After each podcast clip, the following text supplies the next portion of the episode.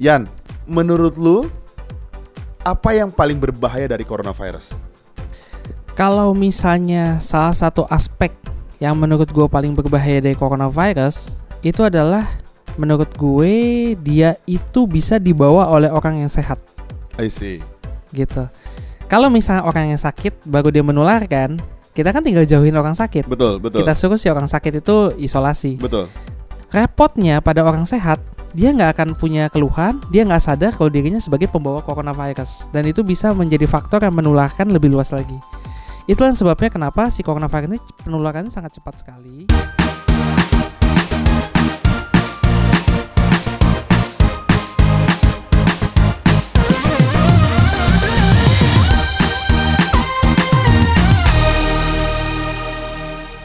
Yan, gue udah bilang, Ui, lu mesti mematuhi apa yang pemerintah bilang. Hmm. Kita nih lagi social distancing dan gua nggak mau deket-deket lu. Karena lu kan pernah di rumah sakit. iya, Ada kemungkinan juga kita bakal ganti host di minggu ke depan. Kita nggak tahu kan maksudnya Tuhan berkehendak apa gitu maksud gua. Kalau emang ternyata Tuhan berkehendak lain sama lu, gue pasti merelakan. Jadi gue bilang sekali di sounding di depan ya, teman-teman. Hah? bentar, bentar, gue butuh waktu ngumpulin dahak gue dulu. Sini muka lu. Jadi teman-teman, kita nih udah lama banget nggak bikin podcast. Betul ya, udah hampir tiga minggu kali ya. Ya, Dan dan lu kangen sama gue, makanya lu manggil gue. Sebenarnya enggak, enggak. Sebenarnya memang karena tiga minggu ini kita lagi heboh, nggak kita sih dunia lagi heboh Hmm. dengan corona dan kebetulan tiga minggu ini lagi heboh di Indonesia. Dan Ya. Adriani di rumah sakit lagi heboh juga ngurusin-ngurusin teman-teman. Dan gua sih penasaran sebenarnya. Lu, oh, gua, gua kira lu mau ngomong dan gua heboh di rumah.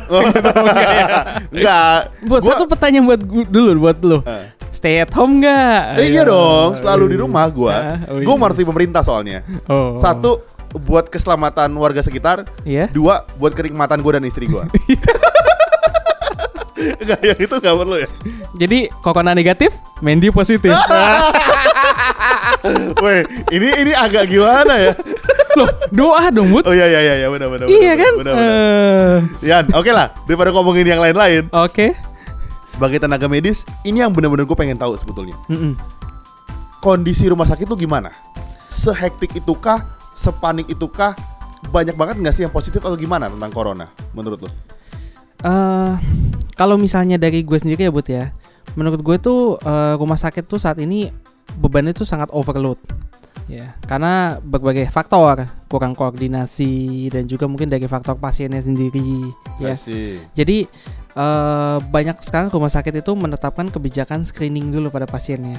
Nggak- Sebenarnya nggak cuma rumah sakit, tempat-tempat umum juga kata-kata lihat kan seperti Masa kan. screening tuh eh, suhu tubuh dan teman-teman gitu. Ya, dan itu eh, bervariasi derajatnya. Ada yang cuma ditanya jawab, ada yang dicek suhunya, Oke. ada yang sampai melakukan pemeriksaan lebih lanjut seperti darah atau di ronsen. Oke. Itu seperti itu.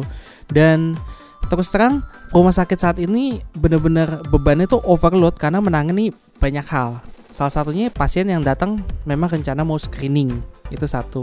Terus pasien yang mungkin memang sudah curiga ke arah eh, COVID Covid. coronavirus disease, tapi si rumah sakit ini sendiri nggak punya fasilitas yang cukup untuk merawatnya. Oke. Nah, terus yang ketiga, pada saat pasien pasien seperti ini mau dirujuk, ternyata rumah sakitnya sendiri overload karena memang kapasitasnya sudah penuh gitu dan itu jadinya kan berantai kan rumah sakit rujukan penuh rumah sakit satelit sekitarnya penuh ya apa yang bisa kita lakukan I Gitu. see.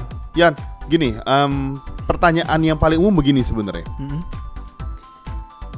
Kan ketika orang datang ke rumah sakit, mereka mau ngecek dirinya kena COVID atau tidak. ya Pertanyaan gua, apa iya rumah sakit bisa menentukan lo kena COVID atau tidak? Semua rumah sakit. Eh, kalau dari gue sendiri saat ini tidak karena eh, di rumah sakit gue sendiri terakhir kali gue tanya itu mungkin dua atau tiga hari lalu itu pengecekan rapid test masih belum bisa dilakukan dan swab eh, yang dilakukan untuk mencek corona itu pun kan harus dikirim ke litbang Iya, iya. nah jadi kalau ditanya kemampuan rumah sakit saat ini nggak nggak semua bisa I see. Gitu. Mereka hanya meng- mengkira-kira ini orang orang dalam pengawasan, ODP gitu kan? Iya betul. Jadi ada beberapa tahapan nih Bud untuk mendiagnosa corona. Memang pemeriksaan yang paling akurat adalah swab. Itu 100%. Jadi Oke. kalau misalnya eh, tapi tetap ya maksudnya masih ada false negatif, false positif itu masih bisa. Tapi kalau misalnya lu udah dilakukan swab, lu bisa lebih tenang. Kalau misalnya dia bilang negatif ya memang lu negatif Iya. saat itu. Nggak tertutup kemungkinan lu di swab tuh satu jam kemudian lu kena infeksi corona bisa juga. Oh iya iya iya ya benar kan? benar juga iya. Nah, cuma masalahnya pemeriksaan swab itu eh, sumber dayanya juga terbatas, reagennya terbatas, ya kan? Jadi nggak bisa semua orang kita periksakan swab. I Itu masalah utama. Makanya dengan sumber daya yang terbatas itu diakalin lah sehingga pemeriksaan swab itu hanya dilakukan pada orang yang benar-benar butuh. Nah, untuk menuju ke sana kita lakukan pemeriksaan dasar dulu. Paling dasar biasanya kita anamnesa. Anamnesa itu tanya jawab ke pasiennya. Pak, ada sakit apa saat ini? Demam, batuk, pilek, sesak. Terus ada nggak kontak positif dengan orang yang di sekitar Anda dan memang ternyata sudah eh, dicurigai COVID. Nah, kalau ternyata ada, mungkin kecurigaan terhadap pasien itu corona naik, misalnya jadi 20%. Nah, la- lalu kita lakukan pemeriksaan penunjang. Biasanya sih yang paling dasar itu laboratorium atau ronsen toraks atau eh, saat ini juga mulai coba digerakkan CT scan, CT scan toraks. Nah, kalau misalnya semuanya itu ngarah positif, nah persentasenya mulai naik tuh 40, 60 sampai ke arah 70 atau 80%. Pada saat pasiennya seperti itu, barulah kita periksakan swab untuk meyakinkan kalau itu memang kelihatannya mendekati 100% adalah COVID. I see. Gitu. Oke. Karena lu dokter kan Ya, dan lu praktek juga menangani banyak pasien suspek COVID gitu sebenarnya kan? karena lu dokter kan tuh pujian. Nah, selanjutnya adalah tapi hinaan. Biasanya maksud- gitu. Enggak maksud maksud gue gini, maksud gue gini.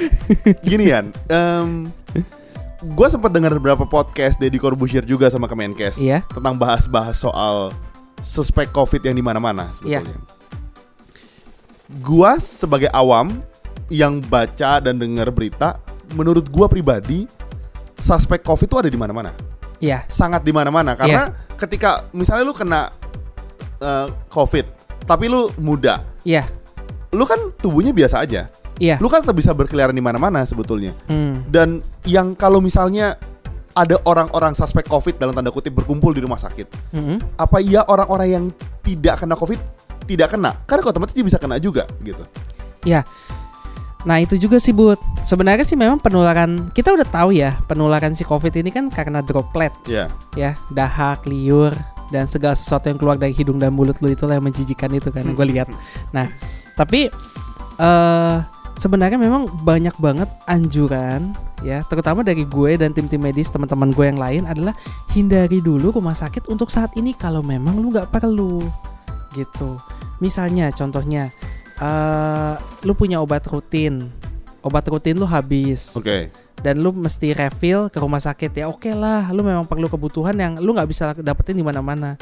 Tapi kalau misalnya lu dalam kondisi misalnya nggak emergency lu mau datang untuk berobat Eh, misalnya baru demam satu hari atau dua hari kondisi lu juga masih bagus atau lu mungkin lambungnya kumat tapi juga nggak berat-berat banget lebih baik hindari dulu rumah sakit untuk saat ini. Karena kalau lu negatif dan lu datang ke sana berkumpul dengan orang-orang yang kemungkinan positif kan nggak lucu ya? Lu yang negatif di rumah gara-gara lu berobat ke rumah sakit untuk hal yang sepele malah lu jadi positif corona I see. Ya ya gitu. ya. ya, Jadi ya. memang pertanyaan lu make sense, Bud. Dan kita sendiri sebagai tenaga medis sudah menggaungkan, jangan ke rumah sakit dulu. Stay at home itu nggak tertutup untuk eh, tempat umum doang atau mall-mall, bahkan rumah sakit sebenarnya. Hmm. Gitu. Tapi tapi gini ya, maksud gue gini sebagai awam gue harus bilang bahwa orang tuh parno, dia nggak tahu Hmm. dia kena apa enggak. Hmm, hmm. Kan kan kita kayak main ini loh, undercover tuh nggak lo?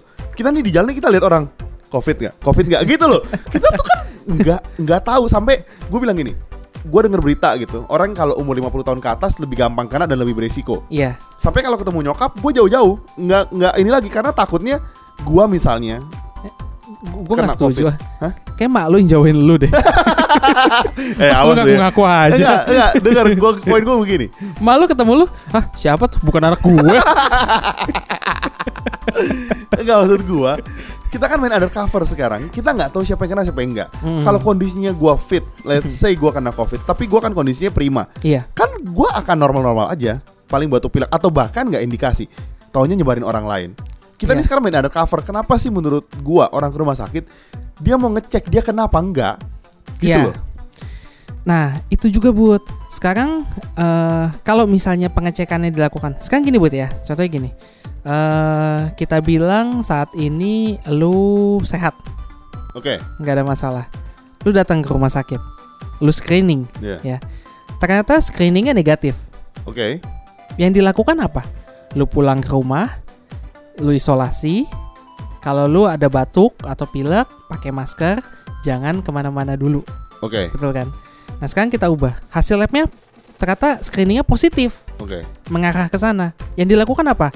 Lu pulang, isolasi di rumah. Kalau lu ada batuk pilek, lu pakai masker. Bener nggak? Sama dong. Sama.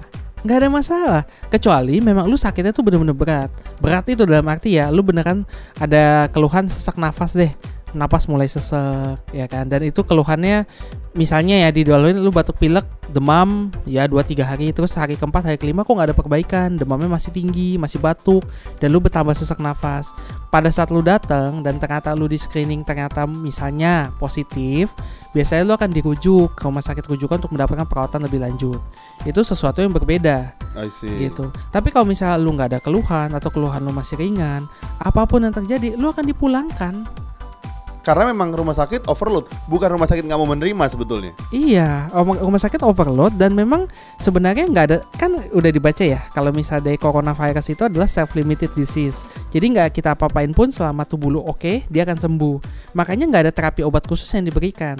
I see. gitu. Iya, iya, Jadi iya. makanya precaution yang dilakukan itu adalah tetap di rumah. Jangan sampai lu menularkan orang lain dengan menggunakan masker dan batuk pilek itu udah intinya gitu aja sambil kit- itulah cara partisipasi lo untuk menyetop penularan si virus ini. dan lu jaga daya tahan tubuh lu sendiri sebetulnya. Jaga daya tahan tubuh lu sendiri. Soalnya Gitu. gini, gua merasa gua nggak tahu ya kalau sesak nafas itu termasuk nggak hidung gua banyak upil nih jadi sesek gitu. Itu termasuk nggak? Gua Oh. kena corona gitu. Oh, pantes tuh lubang itu hidung udah nggak ada lubangnya lagi. Mampet. Yan, Yan. Gua gua punya pertanyaan gini, gini. Menurut gua pribadi media ada andil dalam mengangkat corona enggak.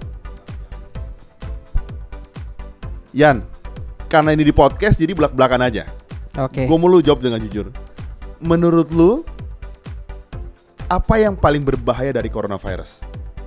Kalau misalnya salah satu aspek yang menurut gue paling berbahaya dari coronavirus itu adalah menurut gue dia itu bisa dibawa oleh orang yang sehat I see. gitu. Kalau misalnya orang yang sakit baru dia menularkan, kita kan tinggal jauhin orang sakit. Betul, betul. Kita suruh si orang sakit itu isolasi. Betul. Res, eh, sorry. Repotnya pada orang sehat, dia nggak akan punya keluhan, dia nggak sadar kalau dirinya sebagai pembawa coronavirus, dan itu bisa menjadi faktor yang menularkan lebih luas lagi. Itulah sebabnya kenapa si coronavirus ini penularannya sangat cepat sekali, bisa ke berbagai anggota masyarakat semuanya. Tapi ya itu masih kita berharap pada daya tahan tubuh kita ya, selama kita masih muda, imunitas eh, sebenarnya nggak masih muda, tua pun kalau imunitas bagus, si corona itu adalah akan sembuh dengan sendirinya. Oke. Seperti itu. Cuma ya itu yang menjadi concern dari semua tim medis saat ini adalah gimana caranya kita memutus rantai penularan si corona. Nah, itu cuma bisa dilakukan dengan anjuran saat ini, stay at home. Soalnya gini ya, bedanya sama batuk pilek. Misalnya let's say batuk pilek, orang yang batuk pilek enggak, orang yang sehat akan menjauhi orang yang batuk pilek. Karena dia Iya. tahu, oh ini sakit nih gitu. Iya. Sedangkan kalau corona kan kita nggak tahu. Bisa dia batuk, dia kena, bisa aja karena tenggorokan gatal doang kan gitu sebenarnya. Ya, itu dan dan itu repot. Jadi penularannya misalnya di rumah juga kan kita nggak tahu ya. Betul. Ya gitu. Sekarang dari satu orang terus nularin ke orang tuanya, adiknya, anaknya, istrinya gitu. Nah itu yang jadi susah cuma untungnya sekali lagi gue bilang kalau misalnya keluhan lu masih ringan batuk pilek atau demam tapi tanpa ada keluhan yang benar-benar berat ya lu di rumah aja gitu tunggu sampai keluhan lu berakhir tunggu sampai lu udah nggak infeksius lagi gitu I see, ya ya ya ya. Terus yang sebenarnya gue juga pena- bukan penasaran sih. Ini di media sosial lagi heboh banget soal penggalangan. Ayo kita berikan masker untuk para dokter, jangan kita timbun. Itu kan lagi heboh di mana-mana. oh iya Karena gue denger-dengar sih rumah sakit lagi sangat kekurangan APD untuk tenaga medisnya. iya Sangat kurang, betul ya? Ah, betul, betul banget, Bud. Jadi eh kan waktu itu udah digalang tuh ya, Mm-mm. masker itu hanya digunakan untuk orang sakit, Ya. ya seperti itu. Terus hanya digunakan pada orang yang eh, berada di lingkungan yang resiko tinggi gitu. Sehingga penggunaan APD itu saat ini banyak banget dipakai di seluruh rumah sakit dan akhirnya terjadi shortage barang, stok kekurangan. Kita mau pesan juga ada yang memang dari distributor udah nggak ada atau ada pun dengan harga yang benar-benar tinggi. tinggi. sangat mahal. Dan itu jadi tantangan tersendiri tuh untuk tenaga medis saat ini. Nah, setelah mendengar cerita itu, jadi lu mau kasih gua apa, Bud? Enggak, setelah dengar cerita itu, gue jadi bener-bener pengen mikir untuk nyari host baru. Karena kan ada kemungkinan lu di depan kan, berarti nggak pakai APD kan? Berarti kemungkinan paparannya kan besar. Berarti kemungkinan menularnya kan besar kan? Nah, gue udah berpikir sebenarnya. Jadi sobat kalau misal ada yang mau bantuin gue, ini nomor rekening gue ya, gue kasih ya. Jan ya. Tapi eh, ya sebentar Bud. Jadi jujur ya, memang eh, kekurangan dari APD ini benar-benar jadi masalah sendiri. I see. Nah, karena sebenarnya gini loh, dari te- tenaga medis itu kan eh, memang kita punya moto kita harus lindungi diri kita sendiri dulu sebelum kita melindungi pasiennya. Iya, Kenapa? Karena kalau kita sendiri sakit, gimana kita bisa bantu orang? Benar, gitu benar. kan. Nah, cuma untuk penanganan si coronavirus ini lagi, ketakutan bagi tim medis itu menjadi lebih berlipat ganda. Kenapa? Karena satu, eh, tuntutan kerja yang saat ini tinggi, bebannya tinggi, menyebabkan beberapa orang juga udah mulai letih, Kel- kelelahan. kecapean. Otomatis imunitas turun. Terus yang kedua, banyak di antara mereka yang masih punya anak kecil atau punya orang tua dan mereka tuh benar-benar fokus gimana caranya jangan sampai mereka terpapar virus dan kemudian dibawa ke rumah Iya, iya. untuk kena ke orang yang mereka sayangin anggota keluarga mereka itu.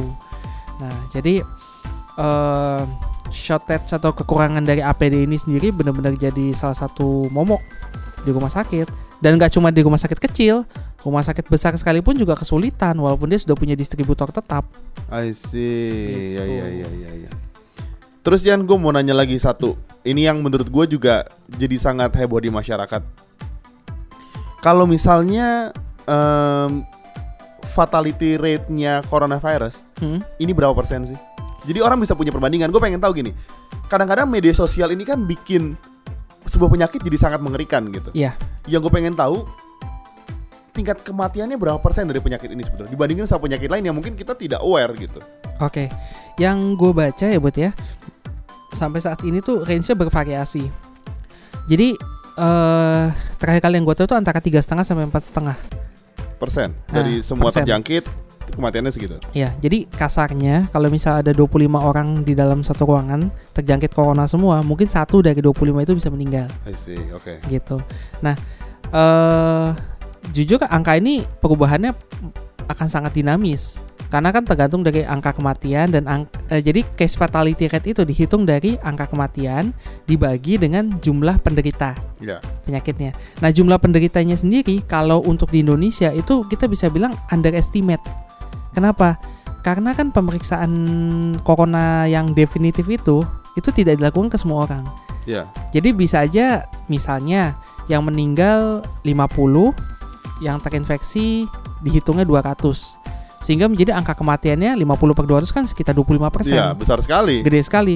Padahal yang 200 itu sendiri belum angka sejujur se sorry 200 itu sendiri belum angka semuanya karena banyak yang nggak diperiksa. Paham, paham. Jadi maksud Gitu. lu fatality rate-nya sebetulnya lebih kecil daripada 3% kan? Bisa gitu kan? Kalau semua orang dilakukan pemeriksaan, betul kan? Ya masih Hmm. bisa jadi dinamis lah ya kita ambil sekitar segitu. Nah sebagai perbandingannya aja ya, misalnya pada angka kematian demam berdarah, Oke. demam berdarah tanpa ada komplikasi itu sendiri fatality rate-nya sekitar 5%. Lebih tinggi dari corona. Lebih tinggi dari corona atau ya kita bilang sama lah. Iya, iya, Gitu. iya, iya, iya. Nah, kita maju nih kepada stroke misalnya. Stroke itu angka fatality-nya bisa sampai 20% loh, see. Stroke. Dan suatu kondisi infeksi berat, ini juga sering kita temuin pada orang tua biasanya, namanya sepsis. Sepsis itu fatality rate-nya 50%. I see. Bayangin. Oke, Jadi gila 10 juga ya. kali lebih tinggi daripada si Coronavirus. corona. Gitu. Nah, peran media sendiri saat ini sejujurnya eh kita tuh agak bingung dengan dosis yang harus kita kasih kepada masyarakat karena begini, Bud. kalau misalnya kita memberitakan corona terlalu ringan, orang nggak akan takut. Iya iya Iya paham kan? paham. Nah, terus isolasi di rumah itu nggak akan dilakukan. Iya, Mall-mall akan tetap penuh, orang tetap jalan-jalan ke puncak, ke Anyer, seperti itu. Tapi kalau misalnya kita memberi penekanan terlalu tinggi, itu akan menyebabkan kepanikan juga pada masyarakat. Ya, itu yang akan terjadi. Eh, APD semua diborong. Iya, makanan semua sembako, jadi mahal. makanan semua, borong. betul. Vitamin-vitamin sekarang juga kan iya, udah iya. habis, udah mahal. Hand sanitizer juga jadi barang langka. Gue gak ngerti lagi tuh, bingung gue sekarang. Oke. Nah itu, jadi sebenarnya yang kita perlukan dosis adalah sebenarnya gini, masyarakat jangan panik, ya. Kita sudah memberikan imbauan, kita sudah memberikan instruksi kalau misalnya yang harus dilakukan seperti ini, ikutin aja dulu. Lu nggak perlu sampai nyetok eh, APD, padahal lu sendiri mungkin nggak pakai. Iya iya. Lu iya. nggak usah nyetok sembako untuk tiga bulan. Sedangkan Iya, iya, iya. sebenarnya lu sendiri juga nggak mesti di rumah tiga bulan kan. Iya, lu kalau misal memang lu butuh untuk beli keperluan ya lu lakuin. Iya iya. iya. Cuma ya itu kalau lu batuk hati-hati kayak gitu aja kan. Hmm. Terus yang ketiga, misalnya pembelian vitamin juga kalau menurut gue agak overrated gitu. Oke lah kalau bagi orang yang sedang sakit lu mungkin butuh vitamin ekstra. Tapi kalau misalnya untuk orang yang sedang sehat dengan lu makan gizi makan makanan dengan gizi berimbang aja juga sebenarnya udah cukup. Buah itu kan sumber vitamin alami nomor satu. Iya, Konsumsi aja buah gitu maksud gue. I see. Bener sih sekarang maksud gua dengan kondisi sekarang semua jadi overrated. Harga vitamin luar biasa mahalnya. Hmm. Harga masker, harga hand sanitizer maksud gue jadi nggak nggak make sense gitu. Hmm. Maksud gue karena semua orang beli dengan panik Indomie kayak emang lu bakal makan Indomie? Temen gue bilang gini lucu deh waktu. eh, lu mungkin dia borong Indomie banyak kan berkardus-kardus kan. Iya. Lu mungkin selamat dari coronavirus. Tapi lu nggak selamat dari penyakit lambung. lu kayak Indomie tiap hari, lu selamat dari virus, tapi lu kena penyakit lambung. ya, Bud, lu ngomong kayak gini. Besok promo habis.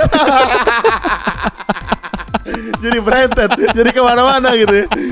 Jadi abis abis wabah ini berakhir, tiba-tiba dokter dokter apa? Eh, lambung. lambung Infek- itu jadi penyakit dalam. penyakit dalam jadi rame. Kenapa nih gejalanya? iya banyak makan Indomie, jadi penuh gas atau di ke mana-mana lah. Jadi bingung kan. Yan, eh, terus saran lu sebagai tenaga medis yang lu kan tiap hari berhadapan dengan pasien corona kan. Mm-mm. Maksud gue pasti orang datang sangat banyak gitu untuk ngecek saya ini kena nggak sih, saya ini kena nggak nih atau orang-orang yang memang kondisinya parah gitu. Saran lu apa buat orang-orang yang lagi di rumah atau lagi dengan podcast ini? Oke, jadi seperti yang tadi gue udah bilang ya, usahakan lu tunda aja dulu untuk ketemu tenaga medis kalau memang keluhan lu itu eh, masih minor gitu. Lu eh, kan lagi di rumah, banyak waktu internet ada, lu pasti bisa searching kan di Google Google di Mbak Google apa aja sih kegawat darurat medis? Eh apa indikasi seseorang harus dibawa ke emergency room? Karena IGD atau emergency room itu sekarang tuh overrated banyak orang yang mikir IGD itu akses cepat. Jadi gue nggak perlu nunggu gue cuma gue langsung datang langsung dilayanin padahal enggak gitu Iya, iya, IGD sendiri punya fungsinya tersendiri dan mungkin nanti kita bahas di episode selanjutnya ya Oke, betul. tentang UGD. Nah, terus yang kedua, tetap ikutin anjuran isolasi. Lu stay di rumah. Eh lu kalau batuk atau bersin lakukan di itu ya sisi lengan dalam atau pakai masker. Jangan sampai lu menjadi mata ban salah satu dari mata rantai penularan virus. Stop di lu gitu Iya, kalau ada iya. virus. Kalau mati mati dulu aja gitu maksudnya kan? jangan lihat ke gua dong kalau ngomong kayak gitu. Tatapan lu niat banget dan kalau lu mati mati aja lu sendiri nah yang ketiga kalau misalnya ternyata memang lu punya eh, gejala emergensi kegawat daruratan barulah lu datang ke rumah sakit I see. kayak gitu Oke, kan gue suka lihat nih ada apa sih foto-foto meme gitu ya. Eh, biar kami bekerja untuk anda anda di rumah saja gitu kan dokter Oh, lagi iya. pada pakai itu kan Iya, iya. jadi gue cuma bilang gini kalau Adrian biar saja kalau saya saya mati untuk anda anda di rumah saja Enggak ya eh lu lu lu mesti bangga dong. Maksud gue sebagai tenaga medis lu ngorbanin semangat tuh berjuang demi masyarakat Indonesia. Namun lu dikenang lo nanti. Gue mau ngorbanin semangat dan daya juang tapi jangan nyawa. Jadi kalau buat teman-teman yang penasaran lagi sama kita bisa cek IG kita di? healthyhacks.id atau email kita di bisa di healthyhacks.id at gmail.com Oke, sampai sini dulu episode kita kali ini. Stay healthy. stay alive Bye-bye. Bye-bye.